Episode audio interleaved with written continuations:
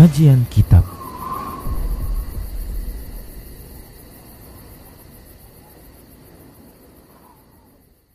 Bismillah, Assalamualaikum warahmatullahi wabarakatuh. Innal hamdalillah Nahmaduhu wa nasta'inuhu wa nastaghfiruh Wa na'udhu billahi min syururi anfusina wa min sayyiati a'malina. Man yahdihillah fala mudillalah wa man yudrilhu fala hadiyalah واشهد ان لا اله الا الله وحده لا شريك له واشهد ان محمدا عبده ورسوله صلى الله عليه وسلم قال الله تبارك وتعالى يا ايها الذين امنوا اتقوا الله حق تقاته ولا تموتن الا وانتم مسلمون يا ايها الناس اتقوا ربكم الذي خلقكم من نفس واحده وخلق منها زوجها وبث منهما رجالا كثيرا ونساء. واتقوا الله الذي تساءلون به والأرحام. إن الله كان عليكم رقيبا.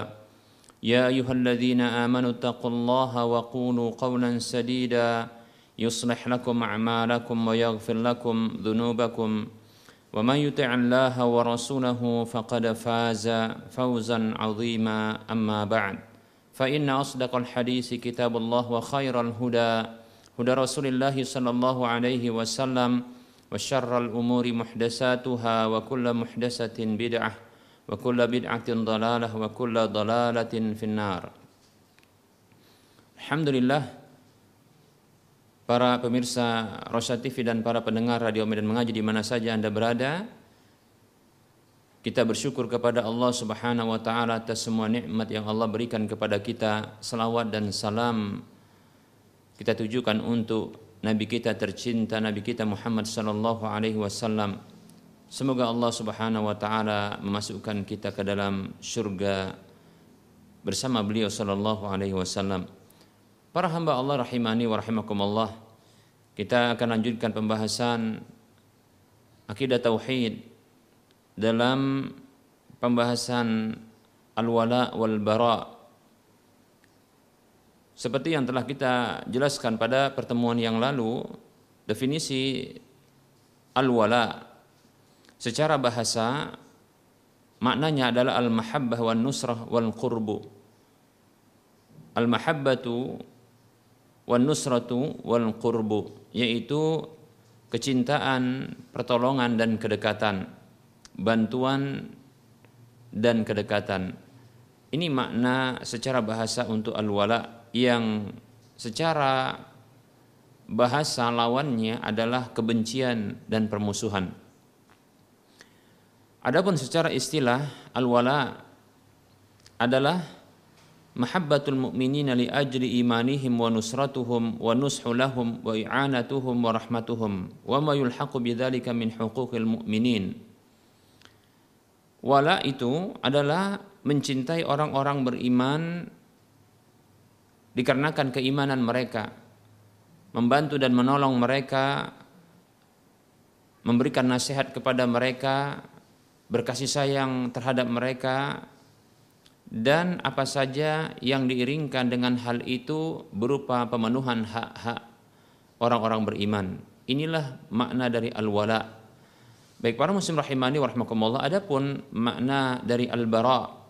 Secara bahasa, makna dari al-bara adalah at-taba'udu 'ani syai'i wa mufaraqatuhu wa takhallusu minhu. Al-bara maknanya secara bahasa adalah menjauh dari sesuatu, berpisah darinya dan berlepas diri darinya. Menjauh menjauhkan diri ya melepaskan diri dan berpisah dari sesuatu. Ini disebut al-bara secara bahasa. Adapun secara istilah maksud dari al-bara adalah bughdu umumil kuffari wa adawatuhum wal bu'du anhum wa jihadul harbiyina minhum bihasabil qudrati. Secara istilah syar'i maksud dari al-bara uh, al-bara adalah membenci musuh-musuh Allah Subhanahu wa taala dari kalangan orang-orang munafik dan orang-orang kafir secara umum memusuhi mereka menjauhi menjauh dari mereka dan berjihad kepada orang-orang kafir yang memerangi yang memerangi kaum muslimin di antara orang-orang kafir tersebut sesuai dengan kemampuan. Baik ini makna dari al-bara. Jadi al-wala al-bara ya. Al-wala itu mencintai, al-bara membenci. Ya. Al-wala mencintai, membantu, menolong, berkasih sayang terhadap orang-orang yang memiliki keimanan di dalam hati mereka. Adapun al-bara adalah membenci musuh-musuh Allah Subhanahu wa taala dari kalangan orang-orang munafik, orang-orang kafir secara umum, memusuhi mereka dan menjauh dari mereka sekaligus berjihad terhadap orang-orang kafir yang memerangi kaum muslimin ya sesuai dengan kemampuan. Baik, hukum dari al-wala dan al-bara ini sesungguhnya wajib. Wajib bagi setiap muslim. Ya. Keduanya merupakan prinsip yang sangat agung dan sangat mendasar di dalam agama kita ini. Itulah prinsip keimanan di dalam ya agama kita ini.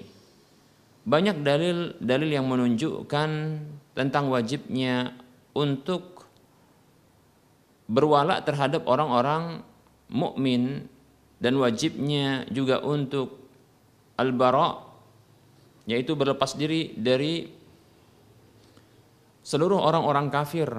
Baik, itu orang-orang ahlul kitab Yahudi dan Nasrani begitu juga orang-orang ya musyrik lainnya. Selain ahlul kitab seperti orang-orang Hindu, Buddha, Konghucu dan seterusnya serta orang-orang munafik Jadi ini wajib bagi kita. Ini prinsip yang sangat mendasar. Ya.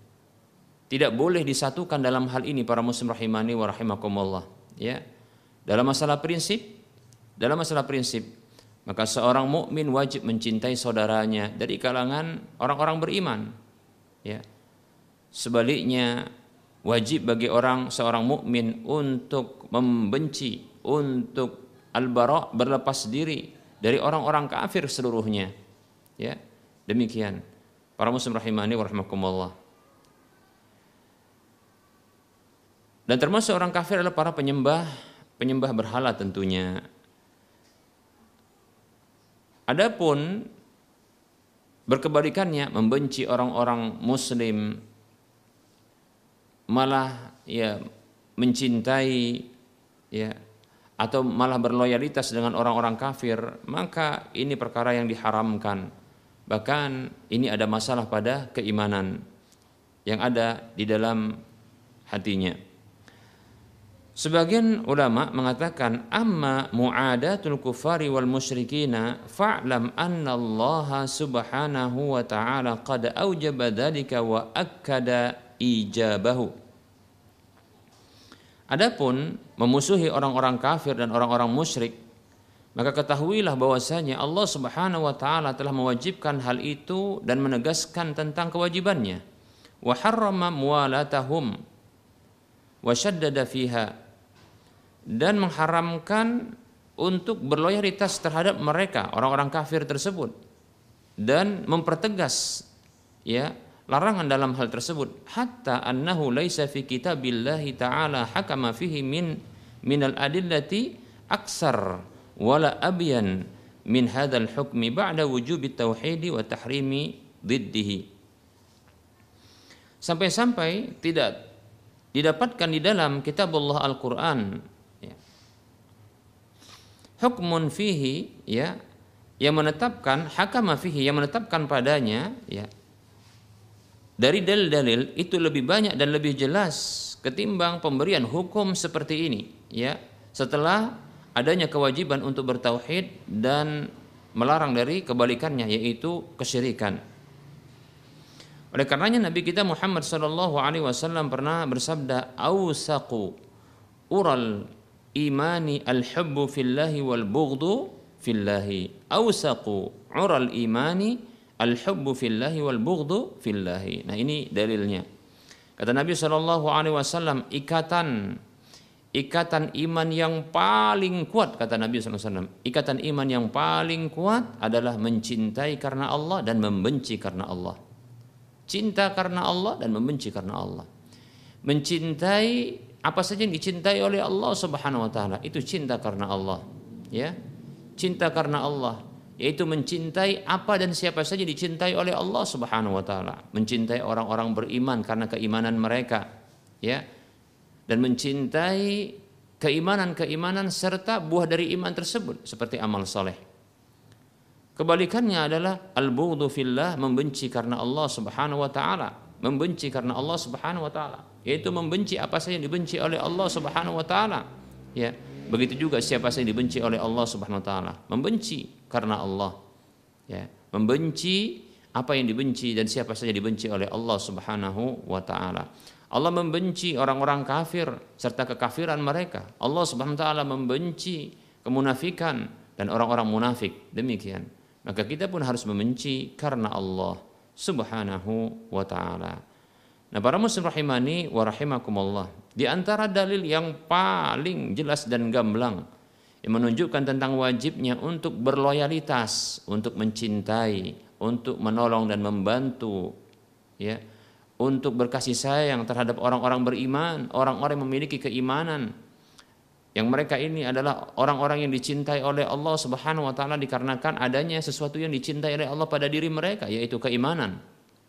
Dalil yang menunjukkan ya wajibnya untuk berloyalitas kepada orang-orang beriman ini adalah di antaranya firman Allah Subhanahu wa taala dalam surah At-Taubah ayat 71 Allah mengatakan A'udzu billahi minasyaitonir rajim. Wal mu'minuna wal mu'minatu ba'duhum awliya'u ba'd. Ya'muruna bil ma'rufi wa yanhauna 'anil munkari wa yuqimuna as-salata wa yu'tuna az-zakata wa yuti'una Allah wa rasulahu. Ulaika sayarhamuhumullah. Innallaha azizun hakim. Allah berfirman yang artinya dan orang-orang yang beriman baik laki-laki maupun perempuan sebagian mereka itu menjadi wali bagi sebagian yang lain yaitu orang yang berwala terhadap sebagian yang lain sebagian mereka itu berwala terhadap sebagian yang lain yaitu mencintai mereka, membantu dan menolong mereka, berkasih sayang terhadap mereka, menasihati mereka, demikian.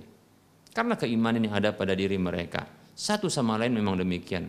Tanpa memperdulikan, tanpa memperhatikan berbedanya suku bangsa, berbedanya bahasa, berbedanya warna kulit, demikian.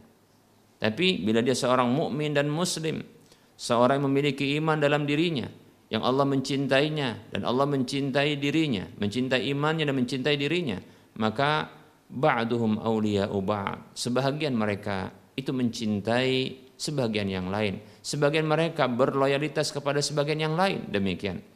Ya'muruna bil ma'rufi wa yanhauna 'anil munkar. Mereka itu memerintahkan kepada kebaikan dan mencegah dari kemungkaran. Lihat, ini menunjukkan bahwasanya para muslim rahimani warahmatullah ya, kecintaan kita kepada seorang mukmin dan muslim karena keimanan mereka itu tidak menghalangi kita untuk mengajak mereka kepada kebaikan dan mencegah mereka dari keburukan. Ya. Oleh karenanya seorang mukmin dan muslim apabila mereka memberikan nasihat kepada saudara yang lain, sesungguhnya itu karena loyalitasnya kepadanya. Itu merupakan bentuk cintanya kepadanya, bahkan itu ketulusan cintanya. Demikian. Seperti yang kita katakan para muslim rahimani wa rahimakumullah bahwasanya an-nasihatu, nasihat itu tidaklah dikatakan nasihat kecuali dia berasal dari kata an-nushu yaitu ketulusan yang bermakna ketulusan Nah, ketulusan hati. Jadi seorang mukmin dan muslim ketika dia memberikan nasihat kepada saudaranya, mestinya itu berasal dari ketulusan hati dan mestinya dipandang oleh orang yang diberi nasihat itu itu sebagai bentuk ketulusan hati. Apabila ini bisa dipahami, yang terjadi adalah saling memberi nasihat dan saling menerima nasihat. Demikian para muslim rahimani wa rahimakumullah wa yuqimuna salah mereka mendirikan salat wa yu'tuna zakah dan mereka menunaikan zakat. Nah, para muslim rahimani rahimakumullah, ini ciri keimanan, ya. Ciri keislaman mendirikan salat, menunaikan zakat. Demikian para muslim rahimani rahimakumullah. Nah, orang-orang Islam, orang-orang mukmin, orang-orang yang mereka mendirikan salat, menunaikan zakat, maka itu tanda keimanan. Itu tanda keimanan dan itu mengharuskan adanya kecintaan kepada mereka. Demikian, ya. Harus adanya loyalitas terhadap mereka. Wa yuti'un Allah wa rasulah dan mereka mentaati Allah dan Rasulnya. Ini juga menunjukkan kepada kita bahwasanya orang-orang Islam, orang-orang mukmin, orang-orang Muslim itu ciri mereka adalah taat kepada Allah dan taat kepada Rasulnya. Taat kepada Allah dan taat kepada Rasulnya. Ulaika sayarhamuhumullah. Mereka itulah orang-orang yang Allah kelak merahmati mereka. Allah Subhanahu wa taala akan memberikan rahmatnya kepada mereka. Allah SWT akan memberikan kasih sayangnya ya kepada orang-orang yang memiliki keimanan seperti ini. Yang mereka ini saling mencintai, saling menolong satu sama lainnya. Yang mereka ini mengajak kepada kebaikan dan mencegah dari kemungkaran. Mereka ini mendirikan salat menunaikan zakat. Dan mereka taat kepada Allah dan Rasulnya. Bahkan mengajak manusia yang lain untuk taat kepada Allah dan Rasulnya. Layaklah ya Allah Subhanahu wa taala memberikan kasih sayangnya kepada mereka. Demikian innallaha azizun hakim. Sesungguhnya Allah Subhanahu wa taala adalah zat yang maha perkasa lagi, maha bijaksana. Ini dalil yang jelas dan gamblang yang menunjukkan wajibnya untuk berloyalitas, mencintai, berkasih sayang, menolong dan membantu sesama kaum muslimin. Demikian para muslim rahimani wa rahimakumullah. Kemudian para muslim rahimani rahimakumullah juga terdapat dalil yang jelas dan gamblang dalil yang jelas dan gamblang yang menunjukkan wajibnya untuk berlepas diri al-bara menjauh ya membenci orang-orang kafir serta haramnya untuk berloyalitas kepada mereka untuk mencintai mereka menolong dan membantu mereka dalam urusan ritual agama mereka lebih-lebih menolong dan membantu mereka untuk menimpakan keburukan kepada orang-orang beriman Maka ini sangat diharamkan demikian.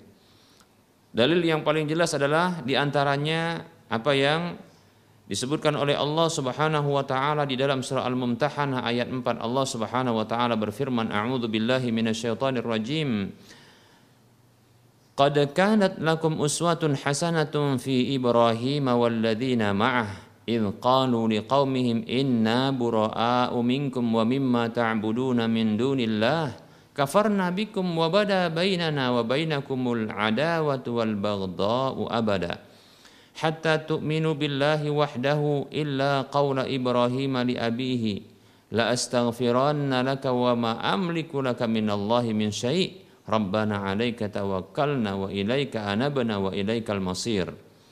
Allah Subhanahu wa taala berfirman yang artinya Sungguh bagi kalian terdapat suri tauladan yang baik pada diri Ibrahim beserta dengan orang-orang yang ada bersamanya. Ingat tatkala mereka mengatakan kepada kaum mereka, sesungguhnya kami berlepas diri dari kalian dan dari apa saja yang kalian sembah selain Allah Subhanahu wa taala. Kami kufur terhadap kalian dan telah tampak antara kita antara kami dan kalian permusuhan dan kebencian selamanya sampai kalian beriman kepada Allah semata kecuali perkataan Ibrahim kepada ayahnya yang mengatakan sungguh benar-benar aku akan memohonkan ampun untukmu dan aku tidak memiliki kekuasaan untukmu ya untuk menyelamatkanmu dari azab Allah sedikit pun. Wahai Rabb kami, ya, kepadamu lah kami bertawakal dan kepadamu lah kami kembali dan kepadamu lah ya tempat kembali. Nah, para muslim rahimani wa rahmakumullah. Nah, ini dalil yang menunjukkan kepada kita ya teladan Nabi Ibrahim beserta orang-orang yang bersamanya, orang-orang beriman bersamanya, ya. Di mana Nabi Ibrahim beserta dengan orang-orang yang ada bersamanya ini melakukan barok yaitu berlepas diri dari orang-orang yang menyembah selain Allah Subhanahu wa taala serta ya apa yang disembah oleh mereka bahkan ya muncul ya kekufuran ya muncul ya pengingkaran begitu juga muncul kebencian dan e, permusuhan terhadap mereka kecuali mereka beriman kepada Allah Subhanahu wa taala. Nah, para muslim rahimani wa rahimakumullah. Dalil yang lain yang menunjukkan ya haramnya untuk berloyalitas kepada orang-orang kafir. Di beberapa ayat Allah Subhanahu wa taala berfirman seperti contohnya di ayat ke-51 dari dari surah Al-Maidah. Surah Al-Maidah ayat 51 Allah mengatakan dan ini adalah ayat yang masyhur ya. Allah berfirman a'udzu billahi minasyaitonir rajim. يا أيها الذين آمنوا لا تتخذوا اليهود والنصارى أولياء بعضهم أولياء بعض ومن يتولهم منكم فإنه منهم إن الله لا يهدي القوم الظالمين Allah berfirman menyeru orang-orang beriman wahai orang-orang beriman janganlah kalian menjadikan orang-orang Yahudi dan Nasrani orang-orang yang kalian berloyalitas kepada mereka sebagian mereka itu berloyalitas kepada sebagian yang lainnya dari kalangan mereka. Maka siapa saja di antara kalian yang berloyalitas kepada mereka, itu menunjukkan kecintaan, menunjukkan pertolongan dan bantuan, ya, menunjukkan kasih sayang kepada mereka, maka ancamannya adalah fa innahu minhum, maka sesungguhnya dia itu termasuk mereka. Lihat, ya. Dikhawatirkan kita akan dihukumi sama oleh Allah sementara dengan mereka ya tatkala kita berloyalitas kepada orang-orang kafir innallaha la yahdil qaumadh sesungguhnya Allah Subhanahu wa taala tidak memberikan petunjuk kepada orang-orang kaum yang zalim. Dalam ayat yang lain Allah Subhanahu wa taala berfirman dalam surah At-Taubah ayat 23 dan ini sifatnya lebih umum ya sifatnya lebih umum. Allah mengatakan masih menyuruh orang-orang yang beriman a'udzu billahi minasyaitonir rajim يا أيها الذين آمنوا لا تتخذوا آباءكم وإخوانكم أولياء إن استحبوا الكفر على الإيمان ومن يتولهم منكم فأولئك هم الظالمون Allah menyeru orang-orang yang beriman, wahai orang-orang beriman, janganlah kalian menjadikan bapak-bapak kalian, lihat ya, sampai pun orang-orang tua kita ya wa ikhwanakum dan saudara-saudara kalian sampai pun orang-orang memiliki hubungan kekerabatan dengan kita janganlah kita jadikan sebagai aulia orang-orang yang kita berloyalitas kepada mereka. Ya yaitu mencintai mereka karena keimanan mereka. Ya karena tidak ada iman bagi mereka. Ya kata Allah ini istahabbul kufra 'alal iman. Bila mereka itu ya mencintai kekufuran ketimbang keimanan ya mencintai kekufuran di atas keimanan demikian. Nah, kalaulah mereka seperti itu memilih kekufuran ya, memilih ya kekufuran ketimbang keimanan, maka tidak boleh berloyalitas kepada mereka. Tidak boleh menjadikan mereka sebagai orang-orang yang kita berloyalitas kepada mereka, yaitu mencintai mereka karena ya apa yang mereka yakini tersebut. Ya. Demikian kemudian menolong dan membantu mereka dan berkasih sayang kepada mereka. Demikian. Wa may yatawallahum minkum dan siapa saja yang berloyalitas di antara kalian terhadap mereka faulaika humudz zalimun. Mereka itulah orang-orang yang zalim. Demikian. Di ayat yang lain dalam surah Al-Mumtahanah ayat 9 Allah Subhanahu wa taala berfirman, "A'udzu billahi minasyaitonir rajim."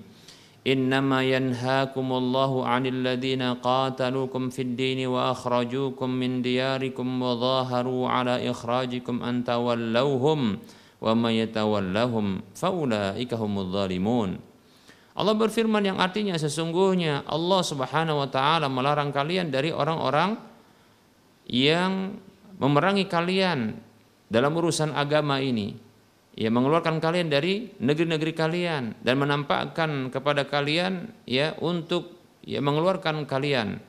Ya dia itu Allah melarang kalian untuk berloyalitas kepada mereka. Dan siapa saja yang berloyalitas kepada mereka maka mereka itu adalah orang-orang yang zalim Ayat ini menunjukkan kepada kita larangan Allah Subhanahu wa taala untuk berloyalitas kepada orang-orang yang memusuhi kaum muslimin, yang memberikan kemudaratan kepada kaum muslimin, yang memerangi kaum muslimin, ya, yang mengusir kaum muslimin dari negeri-negeri mereka, demikian. Ya. Yang menampakkan kebencian kepada kaum muslimin, maka tidak boleh kita berloyalitas kepada mereka. Itu merupakan bentuk kezaliman.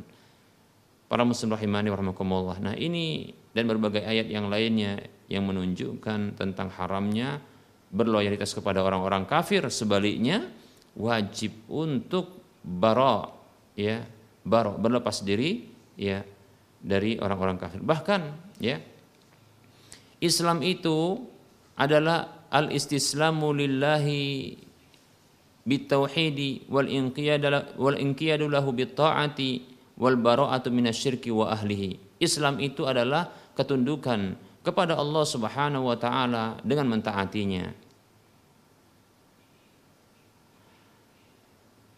Al-istislamu lillahi bitauhid yaitu ketundukan kepada Allah Subhanahu wa taala dengan mentauhidkannya. Wal inqiyadu lahu bittaati dan kepatuhan kepada kepadanya dengan mentaatinya. Wal bara'atu minasyirki wa ahli dan sekaligus berlepas diri dari kesyirikan serta pelaku kesyirikan. Demikian para muslim. Pelaku kekufuran ya, kekufuran dan pelaku kekufuran. Nah, ini wajib bagi kita karena itu merupakan tuntutan iman dan Islam kita. Ya, itu merupakan ya hal yang sangat mendasar yang dituntut dalam keimanan dan keislaman kita. Demikian para muslim rahimani wa rahimakumullah.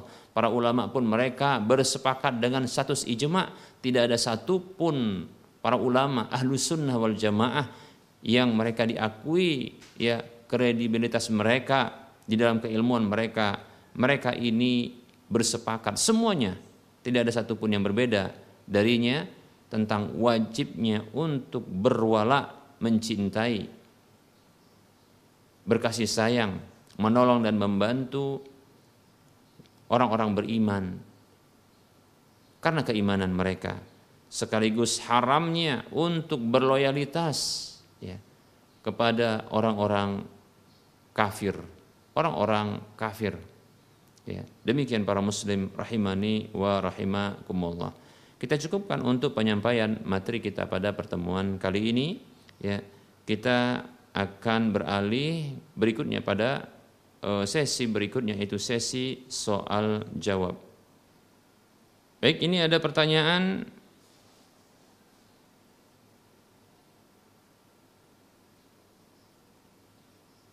Pertanyaan dari Ibu Yusnidar dari Aceh. Apa hukumnya beribadah di kuburan sampai berminggu-minggu dan mengeluarkan dana sampai berjuta-juta? Karena bentuk ibadah seperti ini sudah menjadi adat di daerah kami. Ya.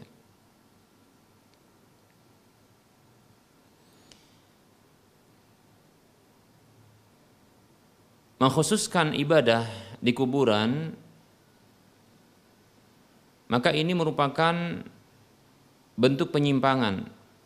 Karena sesungguhnya kuburan bukanlah tempat ibadah. Bahkan terdapat dalam satu dalil dan beberapa dalil, kita akan sebutkan salah satunya, adanya kutukan Allah Subhanahu wa taala yang menjadikan kuburan itu sebagai tempat ibadah. Rasulullah Shallallahu Alaihi Wasallam bersabda, "La'anallahu al-Yahuda wan Nasara ittakhadu kubur anbiya'ihim masajida."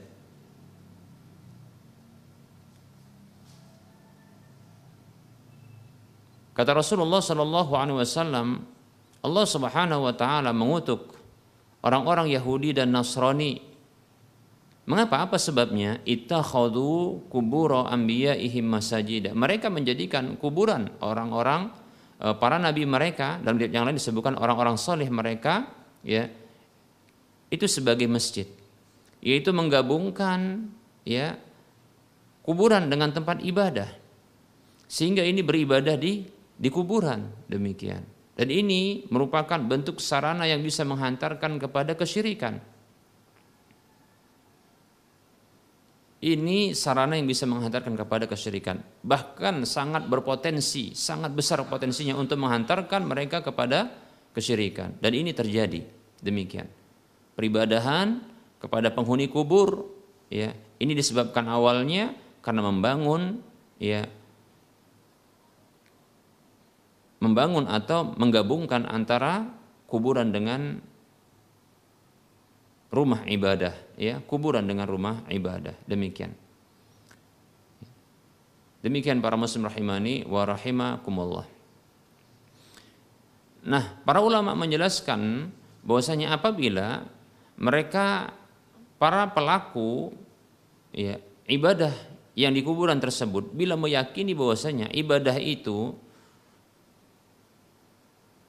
itu ditujukan untuk Allah. Hanya saja ketika mereka beribadah di kuburan mereka meyakini ini lebih ya lebih mudah, lebih uh, dekat untuk diterima oleh Allah Subhanahu wa taala, lebih-lebih di kuburan orang-orang yang saleh. Maka keyakinan seperti ini merupakan keyakinan yang bid'ah. Keyakinan yang bid'ah. Karena tidak ada penentuan dalil dari Al-Quran maupun hadis Nabi Wasallam yang menyatakan bahwasanya ibadah itu akan semakin diterima oleh Allah Subhanahu Wa Taala bila dilakukan di kuburan. Demikian. Ini keyakinan yang bid'ah sehingga menghantarkan kepada tindakan yang bid'ah. Seperti itu para muslim rahimani wa rahimakumullah. Ya. Bahkan Nabi Shallallahu alaihi wasallam ya tadi mengatakan ini merupakan tindakan orang-orang Yahudi dan Nasrani ya seperti itu ya. Tindakan seperti itu merupakan tindakan Yahudi dan Nasrani kan? Dan kita dilarang oleh Allah Subhanahu wa taala untuk ya mencontoh mereka. Kita dilarang oleh Allah Subhanahu wa taala untuk mencontoh mereka. Dalam ayat yang kita sebutkan tadi wa may yatawallahum minkum fa innahu minhum. Siapa saja yang berloyalitas kepada mereka di antara kalian di antara bentuk loyalitas adalah mengikuti mereka, mengikuti kebiasaan mereka. Dan itu menunjukkan cinta kepada mereka seperti itu. Fa innahu minhum, maka ya ia termasuk mereka. Begitu juga Nabi kita Muhammad SAW bersabda man tasyabbaha biqaumin fahuwa minhum. Hadis riwayat Abu Daud dalam sunannya. Siapa saja yang meniru satu kaum maka dia termasuk mereka. Nah, bila kaum yang ditiru adalah kaum kaum yang saleh, maka ini merupakan ya pertanda kebaikan ya. Namun bila yang ditiru adalah kaum-kaum yang buruk kaum-kaum yang akan menjadi penghuni neraka naudzubillah min dzalik ya. Maka tentunya ini alamat keburukan alamat kecelakaan demikian. Fa innahu minhum wa may yatawallahu minkum fa innahu minhum. Maka sesungguhnya dia itu termasuk mereka. Man biqaumin fahuwa minhum ya Siapa saya meniru satu kaum maka dia termasuk mereka seperti itu. Baik, ada kesamaan ya, disamakan ya. Dia termasuk golongan mereka seperti itu ya. Oleh karenanya tidak ada ya, tidak ada peluang dalam Islam ini untuk meniru kebiasaan orang-orang kafir. Tidak boleh ya, tidak boleh demikian. Kalaupun dikatakan ini bukanlah merupakan kebiasaan orang kafir, ya. Ini sudah ada semenjak zaman dahulu. Kita katakan bahwasanya agama siapa yang diikuti? Agama Allah, agama Rasulullah atau agama nenek moyang atau agama ya tuan-tuan guru kita? Tidak. Agama ini milik Allah Subhanahu wa taala. Bila kita menisbatkan diri kita kepada Islam, ketahuilah Islam itu milik Allah Subhanahu wa taala. Islam itu diajarkan oleh Rasulullah sallallahu alaihi wasallam. Betul, inna dina indallahil Islam. Sesungguhnya agama yang ada di sisi Allah itu hanyalah Islam. Betul. Tapi perlu kita ketahui bahwasanya ya, ajaran Islam ini ini telah sempurna. Allah mengatakan al-yauma akmaltu lakum dinakum wa atmamtu 'alaikum ni'mati wa raditu lakumul Islam madina. Pada hari ini aku telah sempurnakan agama kalian untuk kalian dan aku cukupkan nikmatku atas kalian dan aku ridhoi Islam sebagai agama kalian. Islam telah sempurna sehingga tidak butuh lagi tambahan. Sehingga yang ada kita hanyalah untuk mengikuti. Oleh karenanya Abdullah bin Mas'ud mengatakan radhiyallahu anhu ittabi'u wa la tabtadi'u faqad kufitum. Ikutilah oleh kalian, jangan kalian mengada-ngada, jangan kalian mengarang-arang, jangan kalian melakukan inovasi, jangan kalian berkreasi, jangan kalian melakukan bid'ah.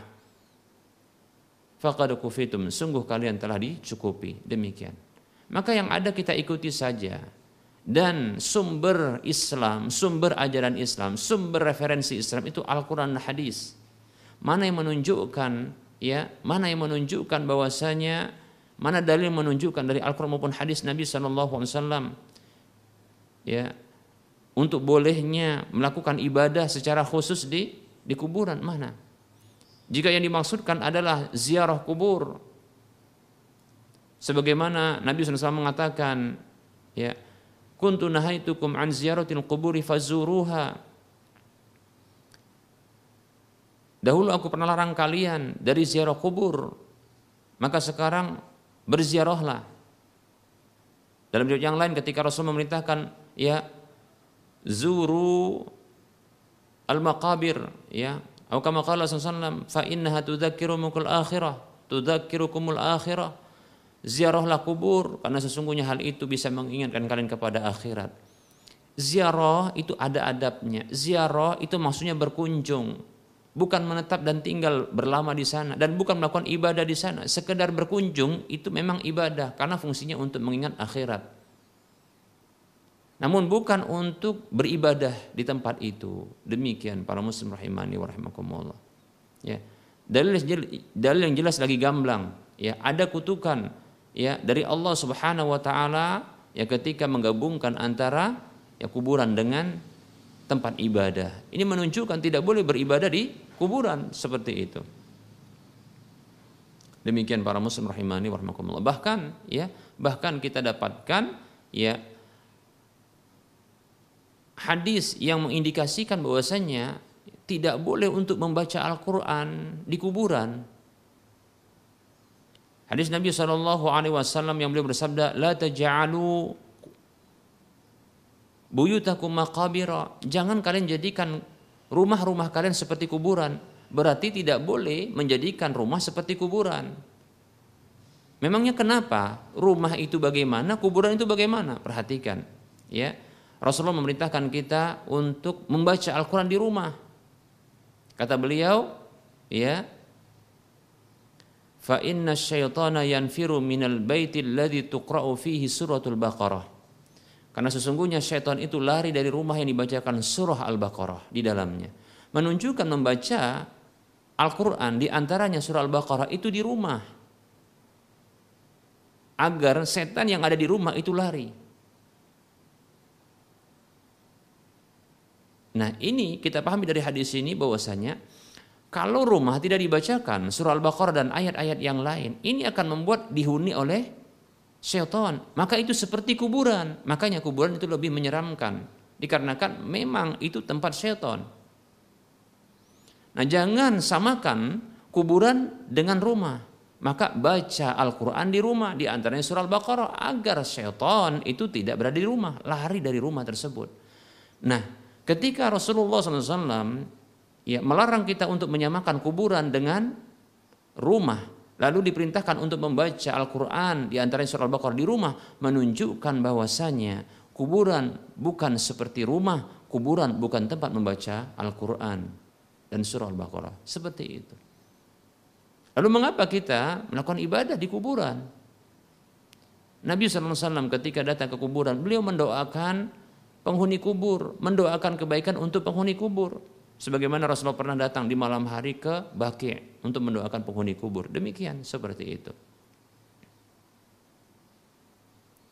Baik para muslim rahimani wa Nah, ini merupakan ya tindakan kesalahan ya yaitu memakmurkan kuburan dengan ibadah-ibadah. Ini sebuah kesalahan. Dan ini dikhawatirkan ya jatuh ya ini merupakan sarana yang bisa mengarahkan, menghantarkan orang-orang tersebut kepada kesyirikan. Na'udzubillah min dzalik. Semoga Allah SWT memberikan ya petunjuk kepada saudara-saudara kita dan kita ya agar kita terus berada di atas petunjuk nabinya Muhammad sallallahu alaihi wasallam. Amin ya rabbal alamin. Baik, pertanyaan berikutnya. Assalamualaikum Ustadz, maaf mau bertanya, apa hukum bermain jula-jula? Apa diperbolehkan? Apakah sama dengan arisan? Waalaikumsalam warahmatullahi wabarakatuh. Jula-jula ini adalah istilah uh, arisan uang untuk di wilayah uh, Sumatera Utara ya. Ya. Arisan uang itu disebut dengan jula-jula demikian. Dan insya Allah taala arisan uang seperti ini sebagaimana difatwakan oleh para ulama seperti contohnya Syekh bin Bas rahimahullahu taala dan yang lainnya ini merupakan perkara yang dibolehkan ya. Ini merupakan perkara yang dibolehkan ya. Yaitu beberapa orang mereka bersepakat untuk menyetorkan uang ya dengan e, berkala dengan jumlah tertentu Ya kemudian nanti salah satu dari uh, peserta tersebut itu mendapatkan gabungan dari uang tersebut secara nanti bergilir ya kepada para peserta yang lainnya demikian. Baik itu ya uh, berdasarkan urutan ataupun mungkin secara acak dengan cara diundi. Maka yang seperti ini tidaklah bermasalah ya. Tidaklah bermasalah insyaallahu taala demikian ya. Karena ini merupakan bentuk ta'awun ya ini bentuk ta'awun ya ini bentuk tolong menolong seperti itu e, kecuali apabila barangkali disisipkan padanya hal-hal yang terlarang seperti contohnya adanya riba.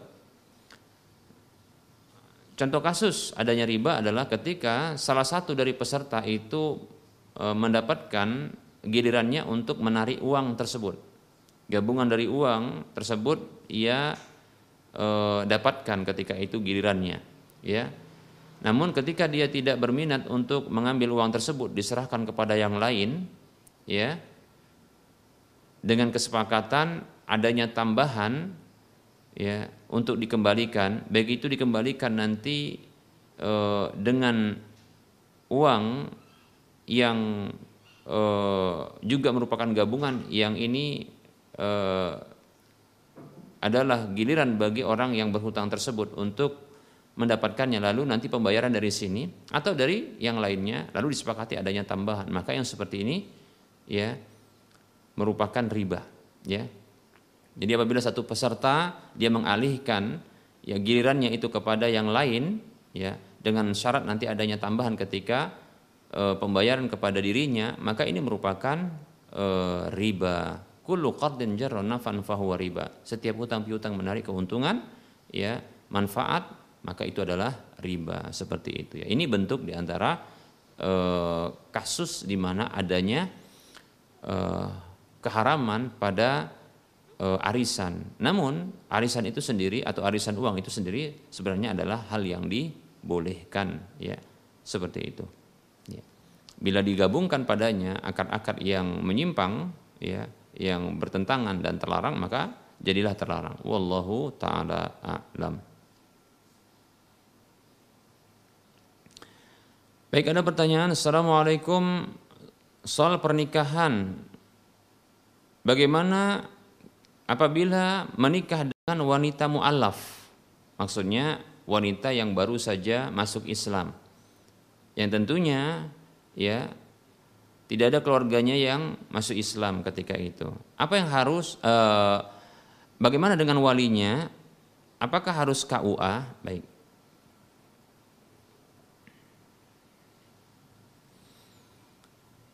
Waalaikumsalam warahmatullahi wabarakatuh. Ya. Seorang wanita yang masuk Islam, ya, seorang wanita yang masuk Islam, sementara tidak ada dari keluarganya atau wali-walinya seperti orang tuanya, ya, kakeknya. Orang tuanya maksudnya adalah ayah kandungnya, kakek dari jalur ayahnya, begitu juga saudara laki-lakinya, pamannya. Yang mereka ini wali-wali bagi wanita tersebut. Ini masih kafir, maka sesungguhnya wanita ini seperti seseorang yang tidak memiliki wali, ya, yang tidak memiliki wali demikian ya. Karena tidak boleh seorang kafir ya menjadi wali bagi orang mukmin ya. Menjadi wali bagi orang mukmin demikian ya. Tidak boleh seorang kafir menjadi wali bagi orang wanita mukmin seperti itu.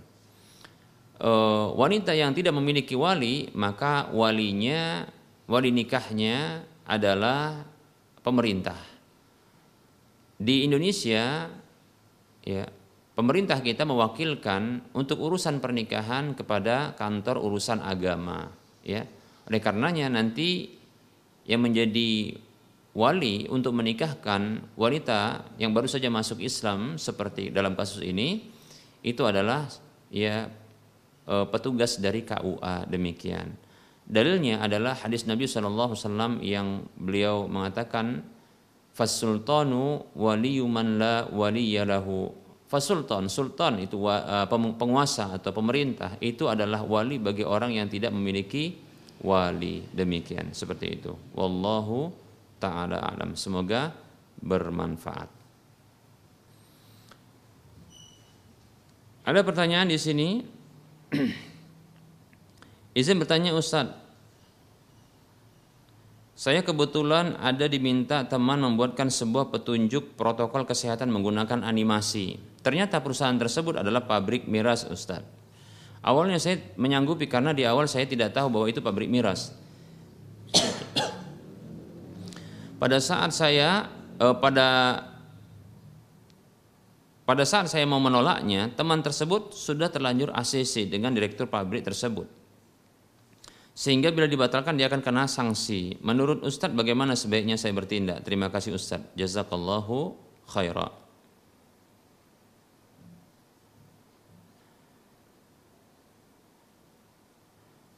Baik ya, e, kasus seperti ini tetap saja tidak boleh ya bagi e, seseorang itu memberikan dukungan apa pun dari sebuah e, tindakan keharaman ya walaupun kita katakan bahwasanya hal tersebut adalah e, hal yang baik ya. Dikhawatirkan ini merupakan bentuk dukungan. Hal ini merupakan bentuk dukungan.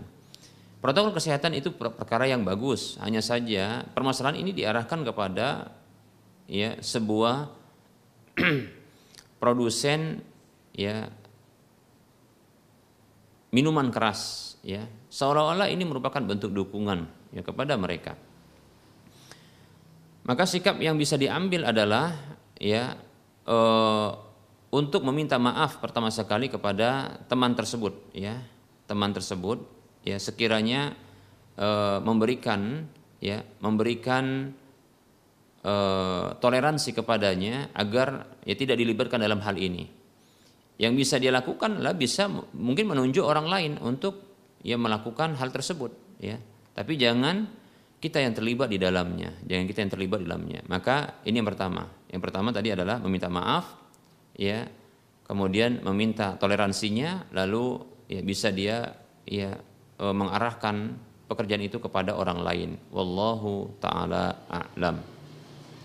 Apabila dilakukan ini merupakan bentuk ta'awun yang diharamkan ya.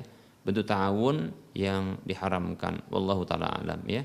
Allah melarang ya A'udzu billahi minasyaitonir rajim wa la ta'awanu 'alal ismi wal 'udwan dan janganlah kamu tolong menolong saling tolong menolong di atas dosa dan permusuhan ya surah Al-Maidah ayat ayat 2. Ini dikhawatirkan merupakan bentuk dukungan terhadap ya pabrik miras tersebut ya.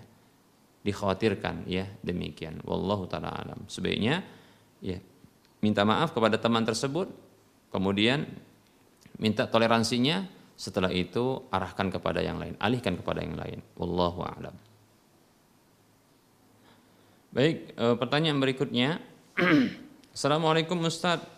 Saya mau bertanya, ada tetangga yang belanja di toko saya tapi hutang, tapi dengan cara hutang dan belum dibayar. Qadarullah, saya juga catering sama tetangga yang hutang tersebut. Saya bayar catering tiap hari 35 ribu, hutangnya 90 ribu. Bolehkah hutangnya diganti catering selama ya dua hari dan sisanya dilunasi? Mohon jawabannya Ustaz. Jazakallahu khairah wa barakallahu fiqh.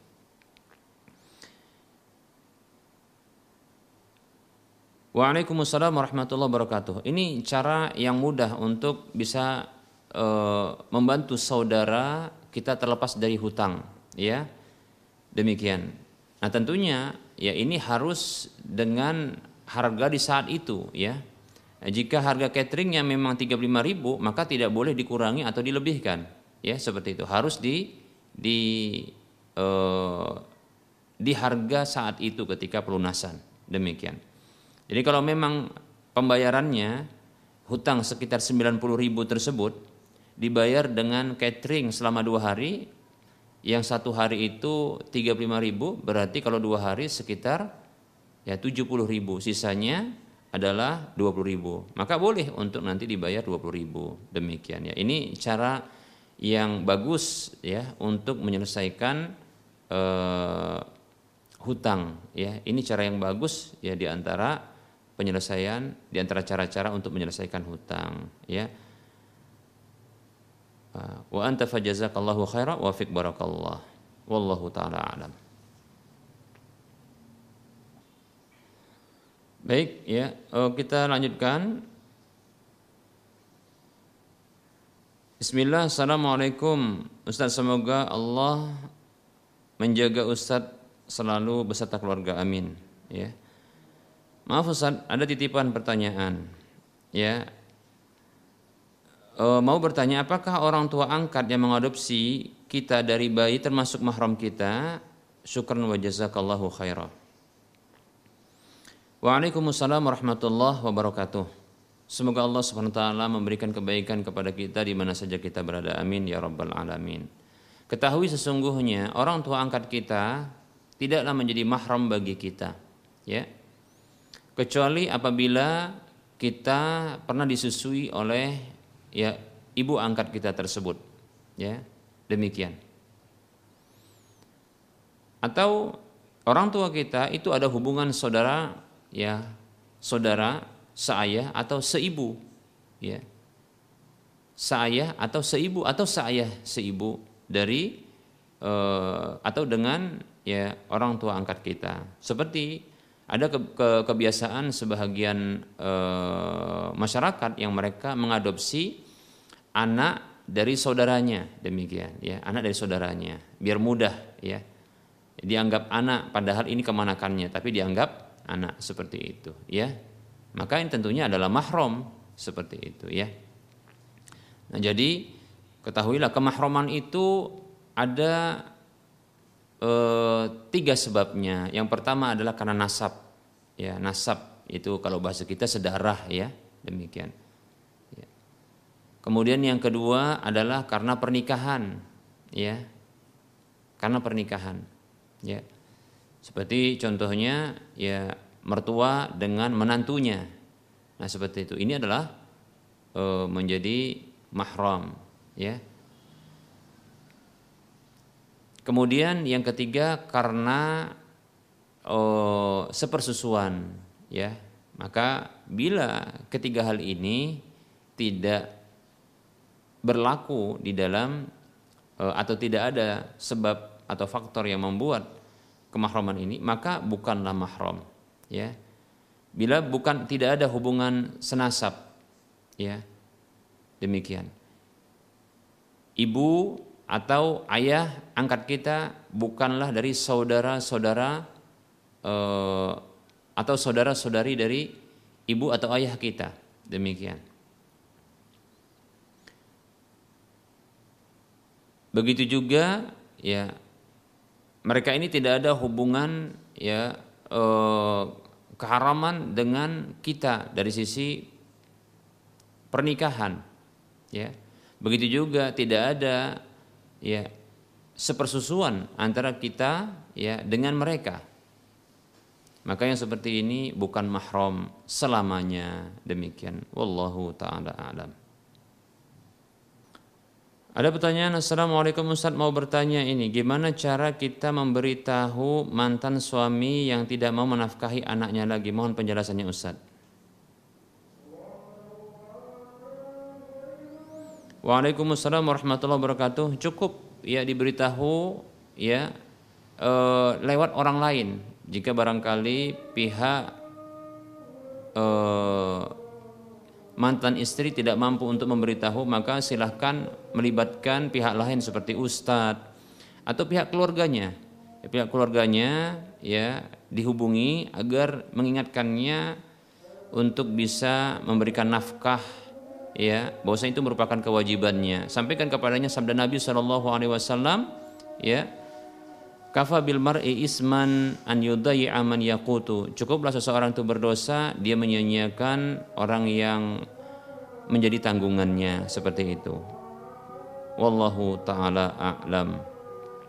Baik kita cukupkan ya penyampaian materi pada pertemuan kali ini begitu juga uh, jawaban atas pertanyaan-pertanyaan ini. Tentunya dalam penyampaian ini banyak kesalahan dan kekurangan kepada Allah saya mohon ampun dan kepada para pemirsa serta pendengar sekalian saya mohon maaf. Wassallallahu ala Muhammad wa ala alihi wa ashabihi ajma'in. Subhanakallahumma wa bihamdika asyhadu an la ilaha illa anta astaghfiruka wa atubu ilaika walhamdulillahi rabbil alamin. Wassalamualaikum warahmatullahi wabarakatuh.